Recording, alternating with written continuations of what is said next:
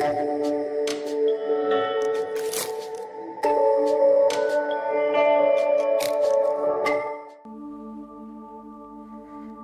apa kabar saudara semua? Jemaat GBI Rock Samarinda yang dikasih Tuhan. Senang hari ini saya bisa menjumpai saudara semua walaupun secara virtual. Karena saya percaya dengan cara apa pun kita bertemu, Tuhan tetap hadir di tengah-tengah kita semua di mana pun kita berada. Amin saudara. Nah, saya ingin berterima kasih terlebih dahulu kepada gembala saudara yang terkasih, Pastor Dr. Andrew Pohan Harliman, dan tentunya dengan segenap tim kepemimpinan yang ada atas kesempatan yang diberikan kepada saya untuk bisa berbagi kepada saudara semua. Ini adalah sebuah kehormatan bagi saya dan saya membawa salam dari segenap tim kepemimpinan dan juga jemaat dari JPCC. Salam kasih untuk saudara semua. Nah, sebelum saya lanjutkan, saya berharap saudara semua ada dalam keadaan baik-baik saja dan tentunya penuh dengan damai sejahtera. Tetapi jika ada di antara saudara yang hari ini merasa dalam keadaan kurang baik, di tengah-tengah pandemi dan kesulitan yang ada, saudara merasa bahwa beban itu begitu menghimpit kehidupan saudara, mari bersama-sama kita percaya bahwa hari ini kebenaran firman Tuhan mampu memberikan kelegaan kepada saudara semua. Nah, sebelum saya lanjutkan, mari kita berdoa terlebih dahulu. Bapak kami bersyukur untuk keadaan apa pun yang kami alami hari ini, karena kami percaya terlepas dari apa pun yang kami alami, kami percaya bahwa Tuhan adalah Tuhan yang baik. Dan kami bersyukur di tengah-tengah hari ini Tuhan hadir di tengah-tengah kami di mana pun kami berada. Kami hormati kehadiranmu, karena itu kami membuka hati, pikiran kami, telinga kami untuk bisa menerima kebenaran firman-Mu. Dan biarlah hati kami menjadi tanah yang subur untuk benih firman itu bertumbuh dan berbuah berkali-kali lipat dari dan melalui kehidupan kami. Hari ini Bapa, kami serahkan apa yang akan kami dengar, apa yang akan kami terima, hanya berdasarkan kehendak-Mu atas kehidupan kami. Dan biarlah semua ini menjadi kemuliaan bagi nama Tuhan. Di dalam nama Tuhan Yesus kami berdoa dan mengucap syukur. Dan mari semua yang percaya dan siap untuk belajar bersama-sama berkata, Amin. Nah, siapkan catatan saudara dan tentunya juga siapkan Alkitab saudara.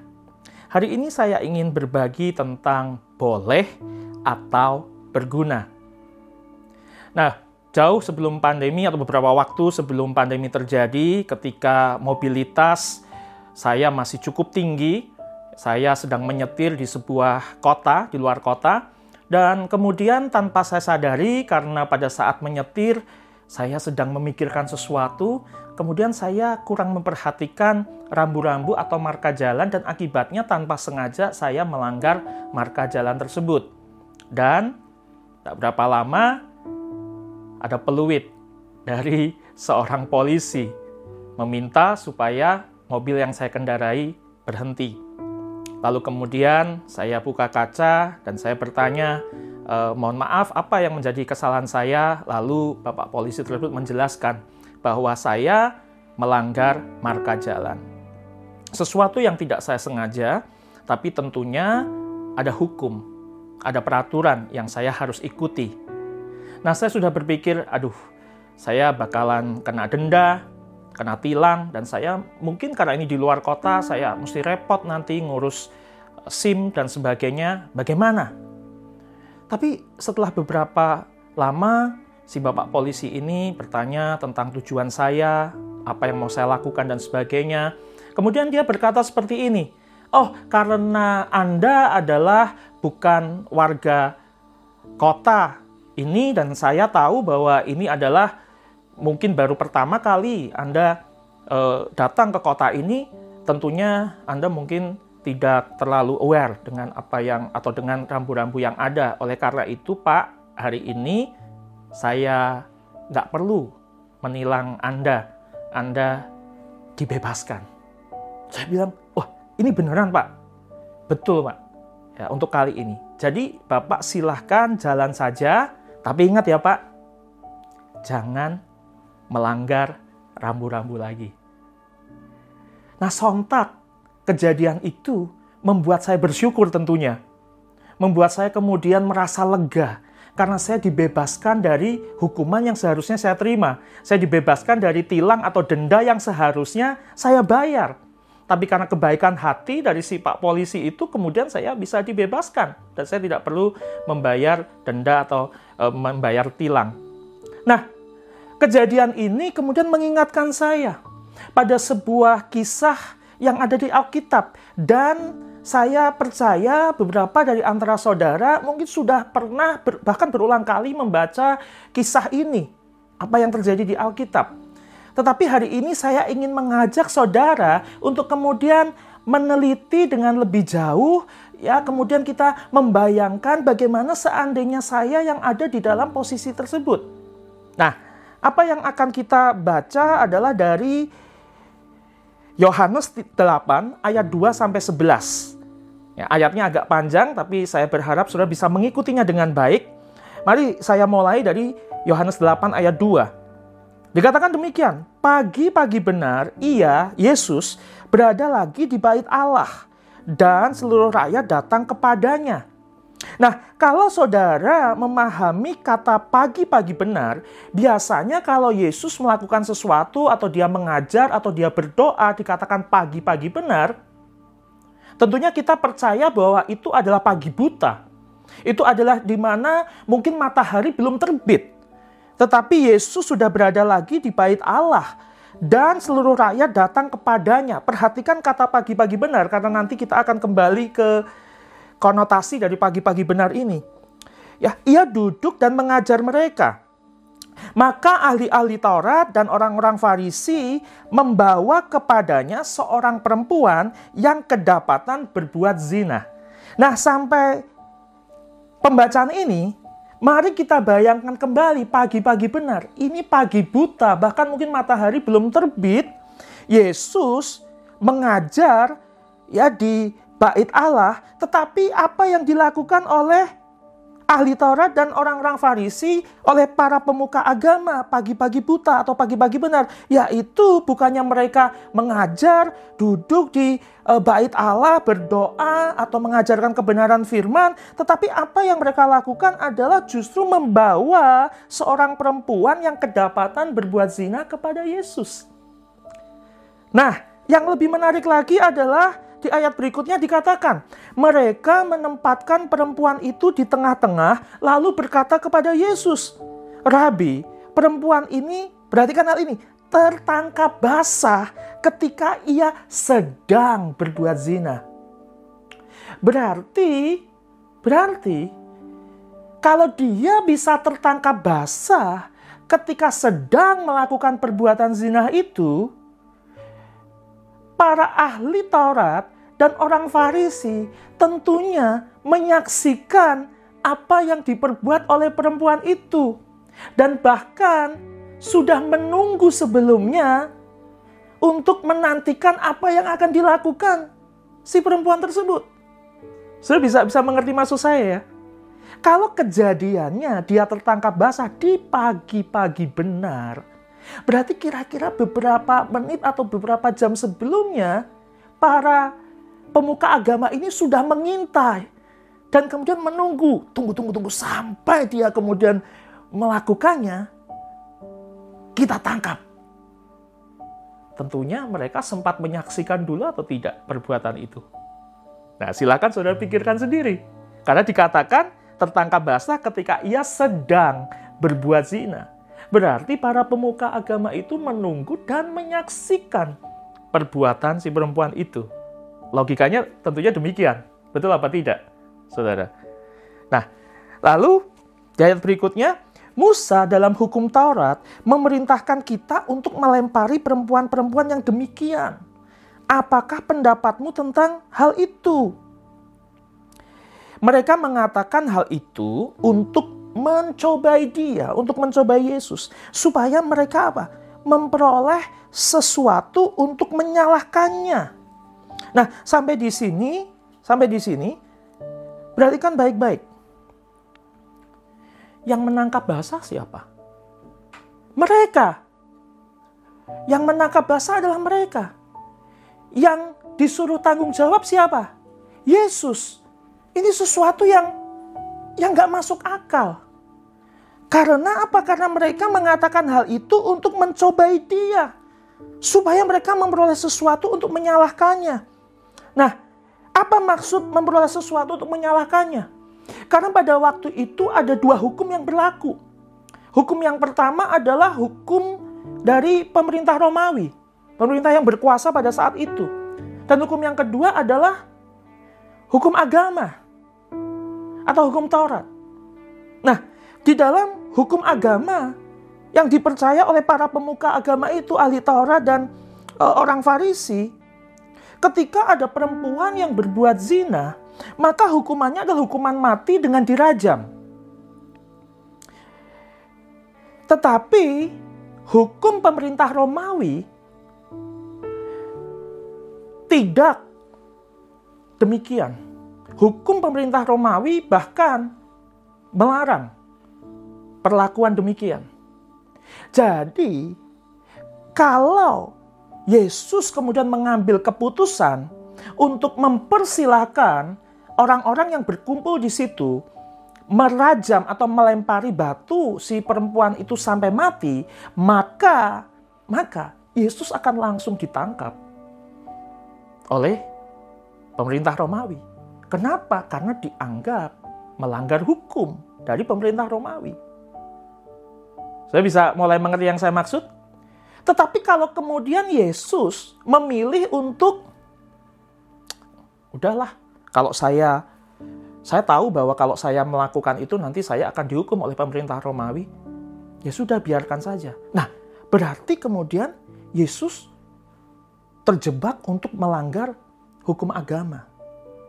Jadi ini seperti buah simalakama di mata dari para pemuka agama ini. Makanya mereka bertujuan mencobai dia supaya memperoleh sesuatu untuk menyalahkannya. Karena apa pun keputusan yang dipilih Yesus, itu membuat Yesus akan dipersalahkan. Dan mereka berharap bahwa Yesus akan men, apa namanya meminta mereka untuk melempari perempuan itu dengan batu dan kemudian Yesus akan disalahkan oleh hukum Romawi. Tetapi apa yang dilakukan Yesus? Tetapi Yesus membungkuk lalu menulis dengan jarinya di tanah. Ini yang menarik. Bukannya menjawab pertanyaan dari para pemuka agama tersebut, tetapi justru Yesus membungkuk lalu menulis dengan jarinya ditanya. Seperti tidak memperdulikan apa yang mereka tanyakan. Tapi mari kita baca ayat selanjutnya. Dan ketika mereka terus-menerus bertanya kepadanya, ia pun bangkit berdiri lalu berkata kepada mereka, Barang siapa di antara kamu tidak berdosa, hendaklah ia yang pertama melemparkan batu kepada perempuan itu. Barang siapa di antara kamu yang tidak berdosa. Jadi, Yesus ditantang dengan pertanyaan untuk dicobai, tapi kemudian dia membalasnya atau meresponnya bukan dengan jawaban, tetapi dengan pertanyaan atau tantangan yang dikembalikan kepada mereka yang bertanya kepadanya. Ini menarik, sangat menarik. Berikutnya dikatakan, lalu ia membungkuk pula dan menulis di tanah. Dua kali dia lakukan tindakan yang sama, membungkuk lalu menulis di tanah. Tetapi setelah mereka mendengar perkataan itu, pergilah mereka seorang demi seorang, mulai dari yang tertua. Akhirnya tinggallah Yesus seorang diri dengan perempuan itu yang tetap di tempatnya. Tadi seolah Yesus tidak menjawab pertanyaan dari para pemuka agama itu. Sampai kemudian mereka bertanya terus. Ini kayak anak kecil ya. Anak kecil kalau minta sesuatu atau bertanya sesuatu nggak dijawab, mereka kemudian akan bertanya terus. Mereka akan merajuk, bertanya sampai kemudian dijawab. Tetapi apa yang Yesus lakukan? Seolah Yesus tidak menjawab pertanyaan mereka. Tetapi justru membungkuk dan menulis di tanah dua kali. Nah, ada sebuah pertanyaan. Apa sih sebetulnya yang ditulis Yesus di tanah? Dan sampai hari ini pun saya kalau ditanya juga gak bisa menjawab apa yang ditulis Yesus. Tetapi yang lebih menarik adalah bukan pertanyaan tentang apa yang ditulis Yesus di tanah itu. Tetapi pertanyaan yang lebih menarik adalah mengapa Yesus melakukannya. Mengapa Yesus merespon pertanyaan yang tujuannya untuk mencobai dia dengan cara membungkuk dan menulis di tanah. Nah, ada sebuah interpretasi yang menurut saya yang paling masuk akal dalam hal ini. Yaitu Yesus sebetulnya dengan gerakan membungkuk dan menulis di tanah itu adalah jawaban yang diberikan kepada pemuka agama yang bertanya kepadanya yang mencobai dia tadi. Karena sebetulnya apa yang dia lakukan adalah menunjukkan, menjawab pertanyaan kepada mereka. Kalian itu nggak ngerti apa yang kalian tanyakan. Kalian itu sedang mencobai pribadi yang sebetulnya adalah Allah sendiri. Karena hukum yang kamu pertanyakan tadi kepadaku itu adalah sesuatu yang ditulis oleh Allah sendiri Allah tidak mungkin menuliskan sesuatu yang kemudian dia sendiri tidak mengerti apa maksudnya. Saya bisa mengerti yang saya maksud? Jadi, kalau saya boleh parafrase dan pakai bahasa sederhana saya, mungkin Yesus berkata demikian. Kalian itu bodoh banget. Kalian itu nggak ngerti apa yang kalian tanyakan. Kalian nggak tahu yang menulis hukum itu siapa.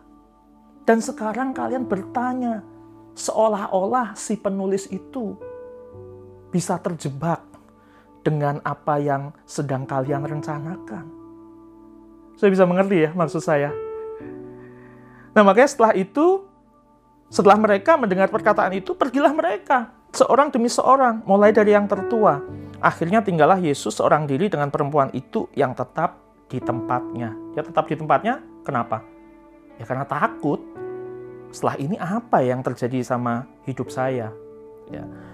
Lalu di ayat yang 10, lalu Yesus bangkit berdiri dan berkata kepadanya, Hai perempuan, di manakah mereka? Tidak adakah seorang yang menghukum engkau? Nah, sudah tahu ya, kalau Yesus bertanya, itu bukan berarti Yesus nggak tahu. Betul apa tidak? Yesus nggak mungkin nggak tahu bahwa mereka kemudian satu persatu pergi mulai dari yang tertua. Tetapi Yesus bangkit berdiri dan berkata kepada perempuan itu, Hai perempuan, di manakah mereka? Tidak adakah seorang yang menghukum engkau? Karena Yesus punya tujuan untuk melakukan spiritual conversation dengan si perempuan ini. Di ayat yang 11 dikatakan, jawabnya tidak ada Tuhan. Perhatikan hal ini, saudara. Perempuan ini menjawab, tidak ada Tuhan. Gak ada yang menghukum saya. Tuhan. Tadi para ahli Taurat dan orang Farisi menyebut Yesus sebagai siapa? Rabi. Tetapi perempuan ini mengenal Yesus bukan hanya sebagai rabi, tapi perempuan ini mengenal Yesus sebagai Tuhan iman percayanya bangkit. Dan kemudian dia menyebut Yesus sebagai Tuhan. Lalu kata Yesus, Aku pun tidak menghukum engkau. Perhatikan baik-baik hal ini. Pergilah dan jangan berbuat dosa lagi mulai dari sekarang. Pergilah dan jangan berbuat dosa lagi mulai dari sekarang. Yesus memberikan pengampunan, memberikan kasih karunia kepada perempuan tersebut. Dan baru kemudian dia berkata, ini kasih karunia yang kuberikan kepadamu, pergi. Baru kemudian dia kasih tahu kebenarannya. Dan jangan berbuat dosa lagi. Jangan sia-siakan kasih karunia yang kau terima. Jangan berbuat dosa lagi. Nah, sampai di sini saya ingin melemparkan pertanyaan kepada saudara semua. Kira-kira, menurut saudara, apa jaminannya perempuan itu tidak berbuat dosa lagi atau tidak mengulang dosa lagi? Menurut saudara ada jaminannya tidak? Tidak ada. Tidak ada. Kenapa? Karena di situ kan si perempuan itu nggak tanda tangan perjanjian dulu ya sama Yesus ya. Saya berjanji kalau saya berbuat dosa lagi setelah pergi atau setelah mendapatkan kasih karunia ini, maka kemudian saya rela dikutuk untuk menjadi kodok. Nggak seperti itu. Betul nggak? Saudara, nggak seperti itu. Berarti ada kemungkinan suatu kali perempuan itu bisa berbuat dosa lagi. Ya, tetapi apa yang terjadi? Karena imannya bangkit, Yesus kemudian memberikan kepercayaan kepada perempuan tersebut untuk kemudian menjalani kehidupannya karena perempuan itu sudah diberikan atau sudah mengalami kasih karunia terlebih dahulu, mengalami pengampunan. Sudah percaya bahwa pemulihan, pengampunan, kasih karunia, rekonsiliasi, restorasi itu yang kemudian memampukan kita untuk bisa mengenal kebenaran di dalam perjalanan kehidupan kita. Kita tidak berusaha terlebih dahulu untuk hidup benar dan kemudian mendapatkan pengampunan, tetapi kita diampuni terlebih dahulu, maka kemudian kita bisa mengenal kebenaran dan mulai hidup dengan benar. Nah, ini adalah sebuah sebuah hal yang menarik, sebuah kejadian yang sangat menarik. Bahwa Yesus tidak mulai dengan, eh karena kamu sudah bikin dosa, sekarang pergi. Kamu tidak layak untuk menjadi pengikutku, kamu tidak layak untuk menjadi muridku. Bukan itu yang dilakukan Yesus, tapi Yesus memberikan pengampunan terlebih dahulu. Yesus memberikan kasih karunia terlebih dahulu. Pergi, pergi dibebaskan terlebih dahulu, dimerdekakan terlebih dahulu, baru kemudian dikatakan jangan berbuat dosa lagi, baru kemudian perempuan itu bisa mengenal kebenaran. Memang tidak ada jaminannya dia tidak akan berbuat dosa lagi. Tetapi, tetapi, oleh karena kasih karunia itu, oleh karena pengampunan yang dia terima, dia pasti akan berpikir seribu kali, sejuta kali sebelum dia melakukan dosa lagi. Saya berharap saudara bisa mengerti apa yang saya maksud. Jadi dengan demikian saudara, tujuan kekristenan adalah kedewasaan. Kita dituntun untuk menjadi dewasa di dalam kekristenan, di dalam perjalanan mengikuti Yesus. Nah, ada skema perubahan atau transformasi menuju kedewasaan yang mungkin saudara bisa sedikit pelajari. Bahwa pada dasarnya kalau kita menginginkan ada budaya kedewasaan di organisasi kita, di komunitas kita, maka kemudian kita harus mulai dengan kebiasaan yang dewasa. Tetapi kebiasaan itu adalah akumulasi dari sesuatu atau perilaku yang dilakukan bersama-sama.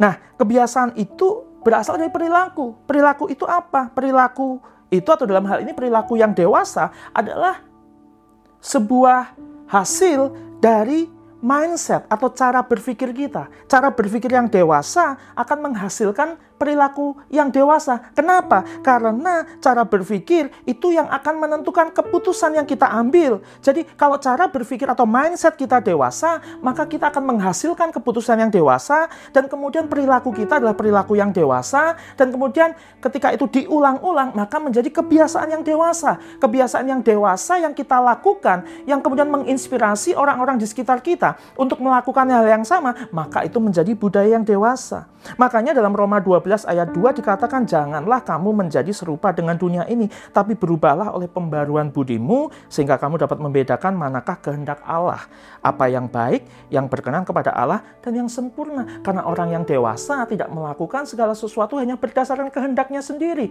tetapi dia melakukan berdasarkan kehendak Allah.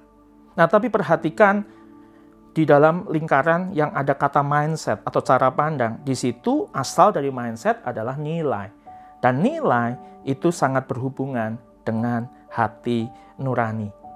Tapi sebelum itu saya ingin memberikan sedikit rangkuman kepada saudara. Dengan demikian, jika Anda ingin mengubah kebiasaan, mulailah dari mengubah pola pikir Anda. Tetapi untuk mengubah pola pikir, perhatikanlah, perhatikanlah nilai-nilai yang Anda yakini. Nah, tadi nilai berhubungan dengan hati nurani. Di dalam bahasa aslinya, dalam bahasa Yunani, dikatakan bahwa hati nurani itu adalah sine desis. Apa artinya? Artinya adalah penghakiman moral atau penilaian moral untuk mengidentifikasi benar salah, baik jahat, persetujuan, maupun penolakan. Itu artinya hati nurani. Dan nilai ada di hati nurani kita. Sehingga cara saudara melatih hati nurani menentukan cara saudara dalam mengambil keputusan. Kalau saudara melatih hati nurani saudara menjadi hati nurani yang dewasa, maka saudara pun akan memiliki mindset yang dewasa dan mengambil keputusan yang dewasa. Nah, berikut saya akan bagikan dengan cepat beberapa ciri orang dewasa. Ini ciri-ciri orang dewasa. Yang pertama, orang dewasa itu bertanya, bukan mempertanyakan. Ya, bertanya bukan mempertanyakan. Tadi para pemuka agama itu mempertanyakan, bukan bertanya. Karena mempertanyakan itu bicara tentang tadi menuduh, e, mencobai berpikir yang e, negatif tentang siapa Tuhan dan apa yang dia kerjakan di dalam kehidupannya. Ya, tapi orang dewasa bertanya, bukan mempertanyakan. 1 Korintus 10 ayat 23, Paulus berkata segala sesuatu diperbolehkan, tapi itu ada tanda quotes unquotes-nya, ada tanda kutipannya. Berarti sebetulnya bukan benar-benar segala sesuatu diperbolehkan. Ya, segala sesuatu diperbolehkan benar, tetapi bukan segala sesuatu berguna. Segala sesuatu diperbolehkan benar, tetapi bukan segala sesuatu membangun. Orang dewasa, saudara, itu nggak mempertanyakan ini boleh atau tidak boleh. Orang dewasa akan selalu bertanya kepada dirinya sendiri, hati nuraninya, bahwa ini kalau saya lakukan berguna dan membangun atau tidak ya? Kalau tidak saya lakukan berguna dan membangun hidup orang lain atau tidak ya? Jadi orang dewasa bertanya, bukan mempertanyakan. Dia akan selalu bertanya, apa yang bisa saya lakukan? Keputusan apa yang saya bisa ambil untuk melakukan atau untuk membangun kehidupan yang berguna? Yang kedua, ciri-ciri orang dewasa berorientasi pada prinsip membangun, bukan pertanyaan boleh atau tidak boleh. Ya, jadi apa pun yang dia putuskan, apa pun yang dia lakukan, hati nuraninya akan selalu menuju kepada prinsip membangun, bukan soal boleh atau tidak boleh. Kalau anak kecil, tanyanya adalah, ini boleh nggak? Ini nggak boleh ya? Tapi orang dewasa tidak seperti itu. Ini membangun, berguna atau tidak. Yang ketiga, orang dewasa membangun hubungan relasional, bukan transaksional. Dan itu yang dicontohkan Yesus kepada murid-muridnya tadi waktu kejadian perempuan yang ketahuan berbuat zina dan dia contohkan kepada orang-orang yang ada di sekitarnya bahwa kekristenan itu atau mengikut Yesus adalah tentang membangun hubungan relasional bukan transaksional. Relasional itu adalah apa? Mengenal dia secara pribadi. Membangun hubungan dengan dia secara pribadi bukan soal Ya, kalau saya nggak berdoa, nanti saya takut berdosa. Kalau saya nanti nggak melakukan perintahnya, saya takut berdosa. Bukan seperti itu. Jadi Tuhan adalah Bapa yang menuntun perubahan, bukan menuntut perubahan. Semakin kita mengenal Dia, semakin selaras hati kita dengan kehendaknya. Nah, apa action plan selanjutnya? Ini yang saya titipkan untuk saudara. Apa keputusan membangun yang perlu Anda ambil dalam sebulan ke depan? Atau tindakan tidak berguna apa yang harus Anda hentikan? Dan yang kedua, tuliskanlah satu langkah perubahan yang akan Anda lakukan mulai hari ini untuk membangun atau mengambil keputusan yang dewasa, yaitu berguna dan membangun. Saya berdoa supaya bisa menerima ini dengan baik dan sudah berjanji untuk mengaplikasikannya di dalam kehidupan sehari-hari. Amin. Tuhan Yesus memberkati.